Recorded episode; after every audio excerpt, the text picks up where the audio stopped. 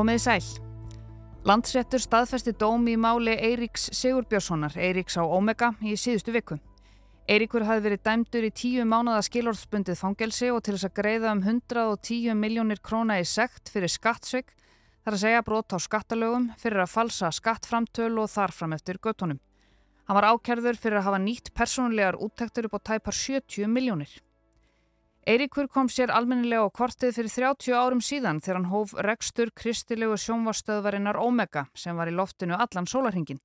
Þetta gerðan eftir að hafa fengið vitjun frá Guði um að bera út fagnadarerindið. Sjónvarstöðin Omega lagðist þó af 2018 með gjaldþrótti en er enni í fullu fjöru á netinu í einhvers konar samstarfi að þér virðist við kristilega sértrúarsöfniðin Catch the Fire. Ég heiti Sunna Valgeradóttir og Eiríkur á Omega er á dagskrá hjá mér í þetta helst í dag.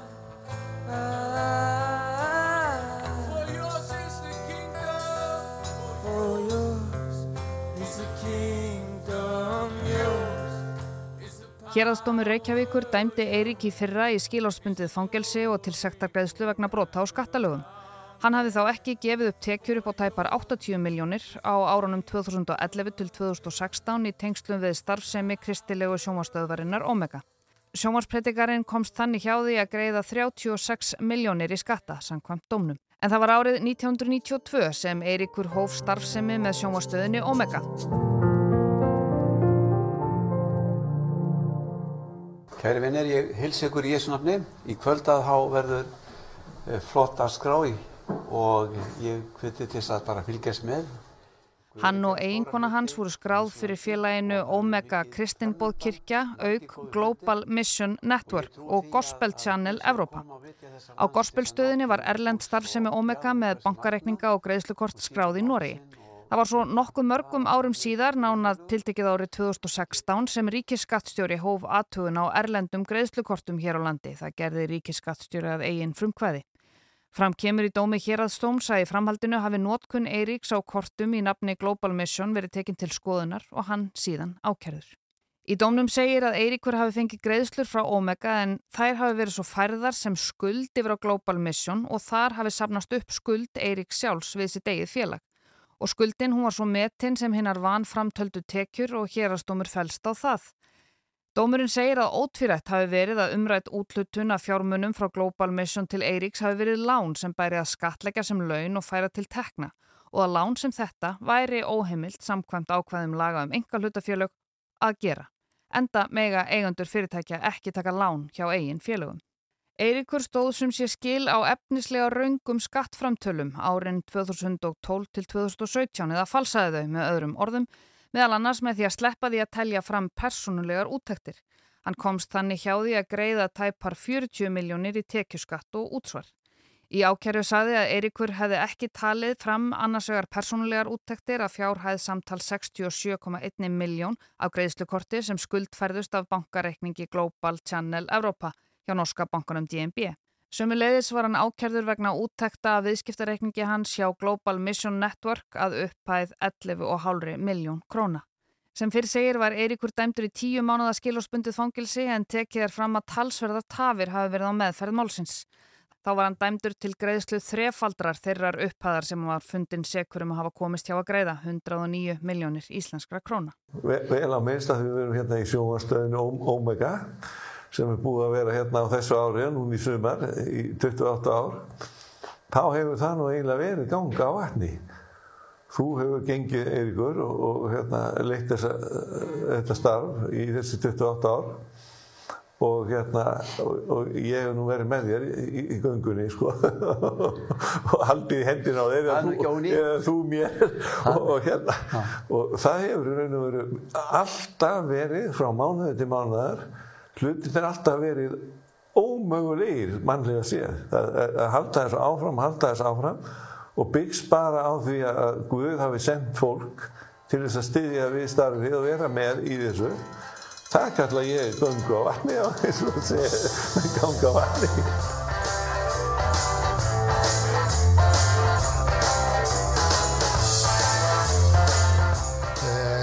Gæsti minn í dag er Eirikur Sigurbjörnsson, sjónvastjóri Omega, maður sem að, að gengur á Guðsvegum og, og breyðir orðið. Saga Eiríks hefur nokkru sinnum byrst í fjölmiðlum nú síðast í enga viðtali við Reyni Traustarsson hjá mannlífi eftir að fyrri dómurinn fjall. Sagan er kunnuleg. Eiríkur hann ólst upp í Reykjavík fyrst í Bragga en svo í Norðunmýrinni, hann er fættur 1950. Fyrstu vitrunina segist hann hafa fengið nýju ára gamall eins konar andlega vakningu. Svo varðan eins og hver annar unlingur fór að fykta með vín, leittist út í meiri óreglu, gekk ítla í skóla og svoleiðis. Svo fór hann á samkomi í Fíladelfíu, það var árið 1974 með kunningja sínum sem hafði frelsast. Og þá var ekki aftur snúið. Jésús, þú fyllir í mig gleði Ég elska þig því þú er góður Hugmyndin að útvarpstöðinni Alfa og síðar sjómastöðinni Omega fættist á samkomi í Fíladelfíu. En Eiríkur hann fattaði þarna að margir fengjust ekki til þess að fara á samkomur en allir sætu fyrir framann sjónvarpið. Þá sá hann að besta leiðin til þess að flytja orð Guðs til landsmanna væri í gegnum sjónvarp. 1976, þá 26 ára, fór hann að skoða hvað þyrti til að stopna sjónvarstöð. En þetta var dýrt og hann sá ekki fyrir sér hvernig þetta erði hægt. En síðan lærði hann að fyrir Guð er allt hægt.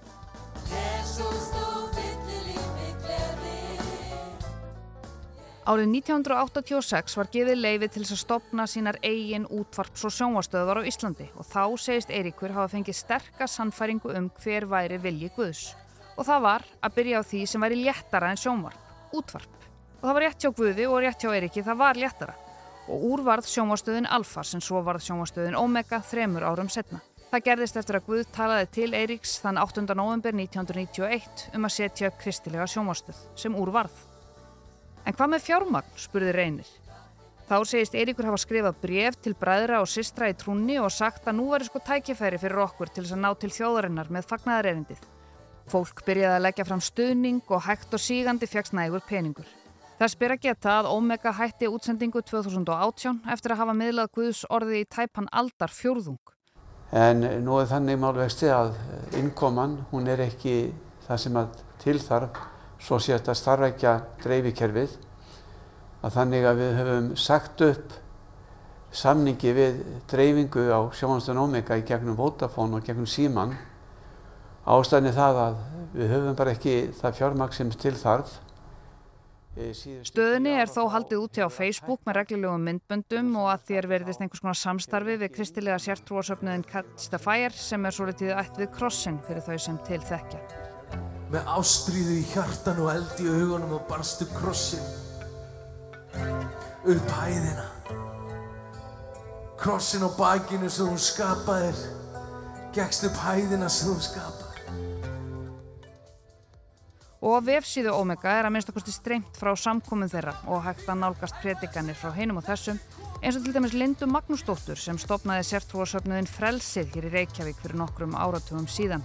Það gekk ekki vel en ég ætla ekki að fara út í það í þessum þætti, kannski síðar.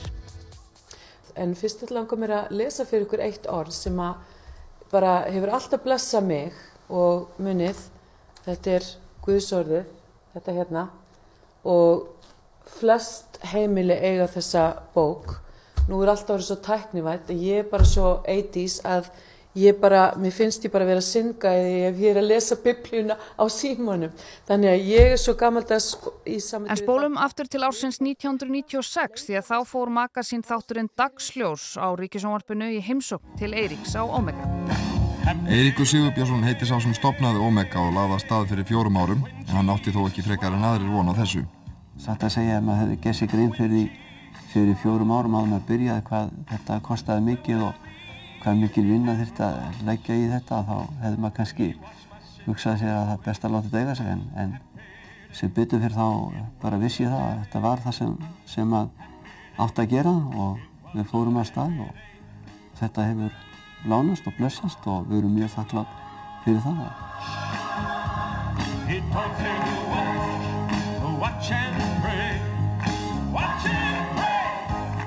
Stöðin hefur vaksið og það sem einu sinni var 10 vattasendir er nú 5000 vattasendir en það er þó ekki hægt að segja að stöðin hafi slegið í gegn í áhórskönnunum. Það var gerð könnum fyrir 5-6 mánuði síðan og þá var það 3% á stóra geokursæðinu sem að horfið á stöðuna daglega og jefnaði þá er þetta um 5% á dag. Satan has lost the battle. Finnur það á ferðlams út í bæ að fólk svona kannast við og... Já, já, mjög mikið. Maður, þarna, eh, sem sagt, hver sem maður fer núna þá veit maður að, að, að þarna, flest allir vita hver maður er. Stöðin býður upp á mjög sérstaka þjónustu sem er fyrir bænir. Hér stendur 82 ára kona læknið í baki. Hryggjarliðin fjallu saman og hún hefur verið bakveik í mörg ár.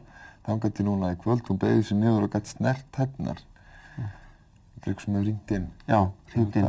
Já, við erum með fyrirbæna þjónustu í byrn útsendingu. Fólk ringir inn og þá er hérna grænu, meðanir sko, þá er það bænarefni. Maður með blóttappa, aðeins 50 ára, að Guð lækni hann og frelsi hann í Jésu nafni, amen. Og síðan hérna, þú veist, lesum við þetta upp og síðan hérna er allir þeir sem eru að horfa á, taka þátt í þessu, þeir, byggja. Já, hér eru mörg konar sem er læknið í baki, konar sem lendi í bílslýsi og skattast að hálsa líður miklu betur núna. Konar sem ringdi síðastlega sundag og baði um að Guð gæfi henni mannin sinn aftur sem hafði yfirgefið hana. Maðurinn kom aftur í gær, uh, gefur Guði dýrðina, stendur hér. Einmitt. Þetta er klingsverð. Já, þetta er, já, oft sem við fáum að, að upplefa svona bænherslu og hún gefur Guði dyrðin og við trúum því að Guð hafi sem sagt bænhertana. Sjónvastöð sem sendur út allan sólarhingin er eitthvað sem samkvæmt íslensku markaslögmálum ætti varla að geta lifað, en annað hefur komið á daginn. Og henn Guðs er ekki svo stutt að hann geti ekki snert við fólki sem er út í bæ.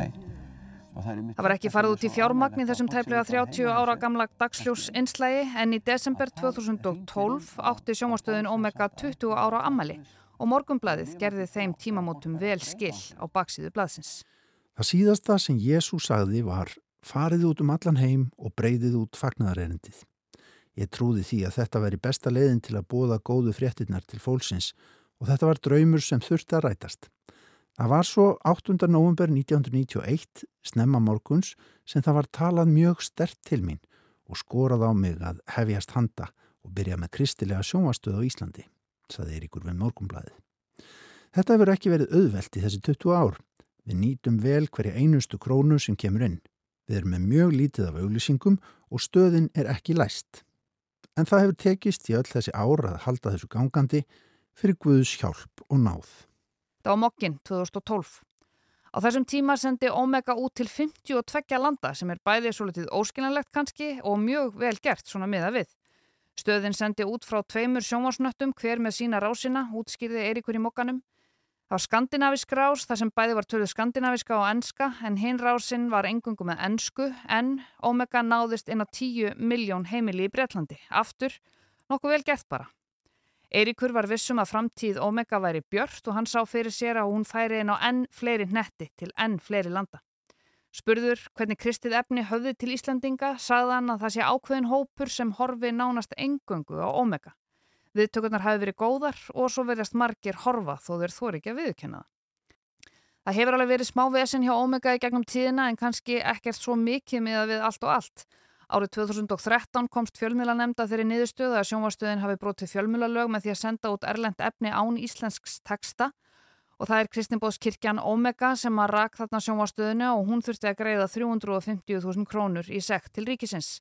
Samkvæmt fjölmiðlanemnd er Omega skilgrend sem kristilegt fjölskylduvænt efni fyrir alla aldurshópa, til dæmi samkómur, tónlist, fréttir, tónleikar, fræðsluefni, teiknimyndir, framhaldsþættir og kvikmyndir. Þetta er af VF fjölmiðlanemndar. Við vissum jú flest af Omega þó að áhorfið hafi ekki verið mikið. Það gerðist sjaldan eitthvað á stöðinu sem vakti aðtigli út fyrir þetta fasta áhorfenda mengi. En á því var breyting sannarlega í mars 2018 í aðdraganda sveitarstjórnarkostingana þá þegar Eithór nokkur Arnalds var til viðtals hjá fyrverandi þjóðkirkjuprestinum, sjónvarspredikaranum og félaga Eiríks Guðmundi Erni Ragnarsinni á Omega. Guðmundur vildi meina að Eithór, sem var borgarstjóra efni sjálfstæðisflokksins á þessum tíma, hefði verið valinn af Guði til þess að verða borgarstjóra efni Reykjavíkur og því neytaði Eithór ekki. En takkið eftir að, að við erum hérna, vinnum saman sko í hérna andlega, andlegu bygging eins og hérna landstjórin og æslipresturinn og ég lít sko hérna á, á, á Eirik Sigurbjörnsson sem, sem stjórnar þessu eins og, og æstaprestinn en hver er landstjórin? Hver verður landstjórin sem að, hver verður borgarstjórin til dæmis í Reykjavík? En hann sittur hérna, ég trúi því að hann sittur hérna með hlýna á mér Má ég takk í hendið þær, Eithór, velkomin. Takk fyrir kjærlega. Mér þótti það svolítið skemmtilegt að, að hérna, ég séði fyrir mér, fyrir mér sem borgarstjóra og svo sé ég halda áfram til þess að verða landstjóra eða landföður eða, eða fórsættisáður. Ég sé þetta, ég, ég bara tekði fram það að ég mm -hmm. Mér finnst stórkostlegt að fá þig hinga líka vegna þess að hérna, ég sá það í, í viðtali í, því að mm -hmm. þú vittnar í orð frelsans Jésu Kristu. Mm -hmm. Já og það var eh, satt mm. en þegar ég tók þess ákvörðun að fara að staða þá, þá vissi ég að þetta var stóra ákvörðun að gefa kostumur í þetta. En þá var ég að gera ákveðin kaplaskil í mínu lífi og uh, ég vonaði að einhver annar myndi gefa kostar sér sem ég myndi treysta fyrir því og, og, og ég vissi það að þetta væri, væri, væri mikið verk. Þannig að ég baði Guðum að gefa mig styrk að segja nei, því að margir voru að byggja mig um að fara í þetta, en á endanum þá, þá fór það öðruvísi og, og sagti nú að vegir Guð séu orðansakarleir og hann, einhvern veginn, kannski, eh, kannski vildi að þetta færi hinn veginn og minn vilji fekk ekki að ráða og uh, nú er ég hér. Guðmundur Örn, hann reyndi ofta vekja aðtekli á sjónarmiðum sínum á Omega sem voru í stuttum máli gegn feminisma, þungunarofi og kynvillu þegar skiljið típuna. Hann og Eiríkur eru reyndar saman í frekar nýlegu myndbandi eða tvekkjára gömlu, réttar að sagt, á Facebook síðu Omega að fara yfir þessi mál öll. Þeir farað þar um víðan völl, tala um andstöðu sína við þungunarof, gaggrína aðstóð Íslandinga við Írak og hitt og þetta, svo byggja þeir líka um pening. Þetta er Guðmundur. Gerist nú stöðningsæði og þú, þú, þú hlýðir kalli Guðs um, um, um að, að, að frelsa íslensku þjóðina. Það er váfyrir dyrum fyrir þjóðinni líka allri. Við sjáum það að al, alþingi kem, kemur fram eins og, og skrill að því leiti að, að þeir, hérna, þeir samtækja það að börn séu deitt, okkar eigin börn, þúsund á ári sem er, eru deitt en, en að sama tími þá, þá leikur það, spilar það spil eins og það sé sko gott fólk að þau vilja hjálpa einum og einum frá Írak. Og undir þessu öllu saman er borði á meðjum skjánum með upplýsingum um hvernig er hægt að leggja ómegastöðinni lið fjárhagslega. Svo talar Eirikur líka um Putin og Trump. Þeir, þeir eru mjög fasti fyrir þar mm. og hérna um svona eh, grundvættarallir í kristendóminum að, hérna, að Trump hann stiði það eins og ég segi að Trump er ekki fullkominn, ekki frekar við. En svo er svo ótrúlegt hérna í fjölmunum þessa lands að þá er því líkur óhróður um allt það sem að Trump segir og gerir. Og það er aldrei nefnt sem sagt, no, Trump hann stiður hérna e, kristindóminn, hann vil auka e, gildi góð siðgæðis í landinu En þetta myndband fór í loftið einungis tveimur vikum áður en fréttir af fjársveika ákærunni á hendur Eiriki voru ofinberðaðar sem var í mars 2020. En þeir félagar eru ekki að baki dotnir og bjóða þeim sem gefa stöðinni pening bókina Ild frá Ísland. Og um leið og þú gerir það og byrður að stiðja stöðina þá sendur þessar bók og hvaða bók er þetta eiginlega? Það sendur hérna eldur, eldur, eldur frá Íslandi og hérna að vísu er, er hún á norsku hérna en, en hérna en eldur frá Íslandi að þú getur alveg lesið þetta á norsku eða ennsku. En eins og áður segir þá er Eiríkur hvergi næri hættur þó að landsréttur hafi staðfest úrskurð héraðstóms í málnu hans. Vef síðan omega.is og Facebook síða Omega sendir út myndbönd frá Catch the Fire, þetta eru samkomur, predikanir, viðtöl og svoleiðis og síðan er líka hægt að milli fara pening og styrkja starfið. Í áður nefndu viðtali við mannlíf sem var tekið á milli dómstega sem sé áður en landsréttur staðfesti dóm héraðstóms Sagði Eiríkur allt málið byggt á miskilningi, hann hafi aldrei stólið peningi eða svikið undan skatti. Málið hafi snúist um erlendar tekjur sem hafi einhvern veginn fallið á milli skips og bryggju í bókaldinu. En hann þarf einhverja síður að greiða þessar 109 miljónir og sæta 10 mánada skilórspundnum fangilsistómi. Ég heiti Sunna Valgeradóttir og sjónvarspredikun og predikarar Omega voru helst hjá mér í dag. Þið getið nálgast þennan þátt af þetta helst og alla aðra þætti í spilaranum okkar eða bara það sem þið hlustið á hlaðvörp. Takk fyrir að leggja við hlustir og við heyrumst aftur á morgun.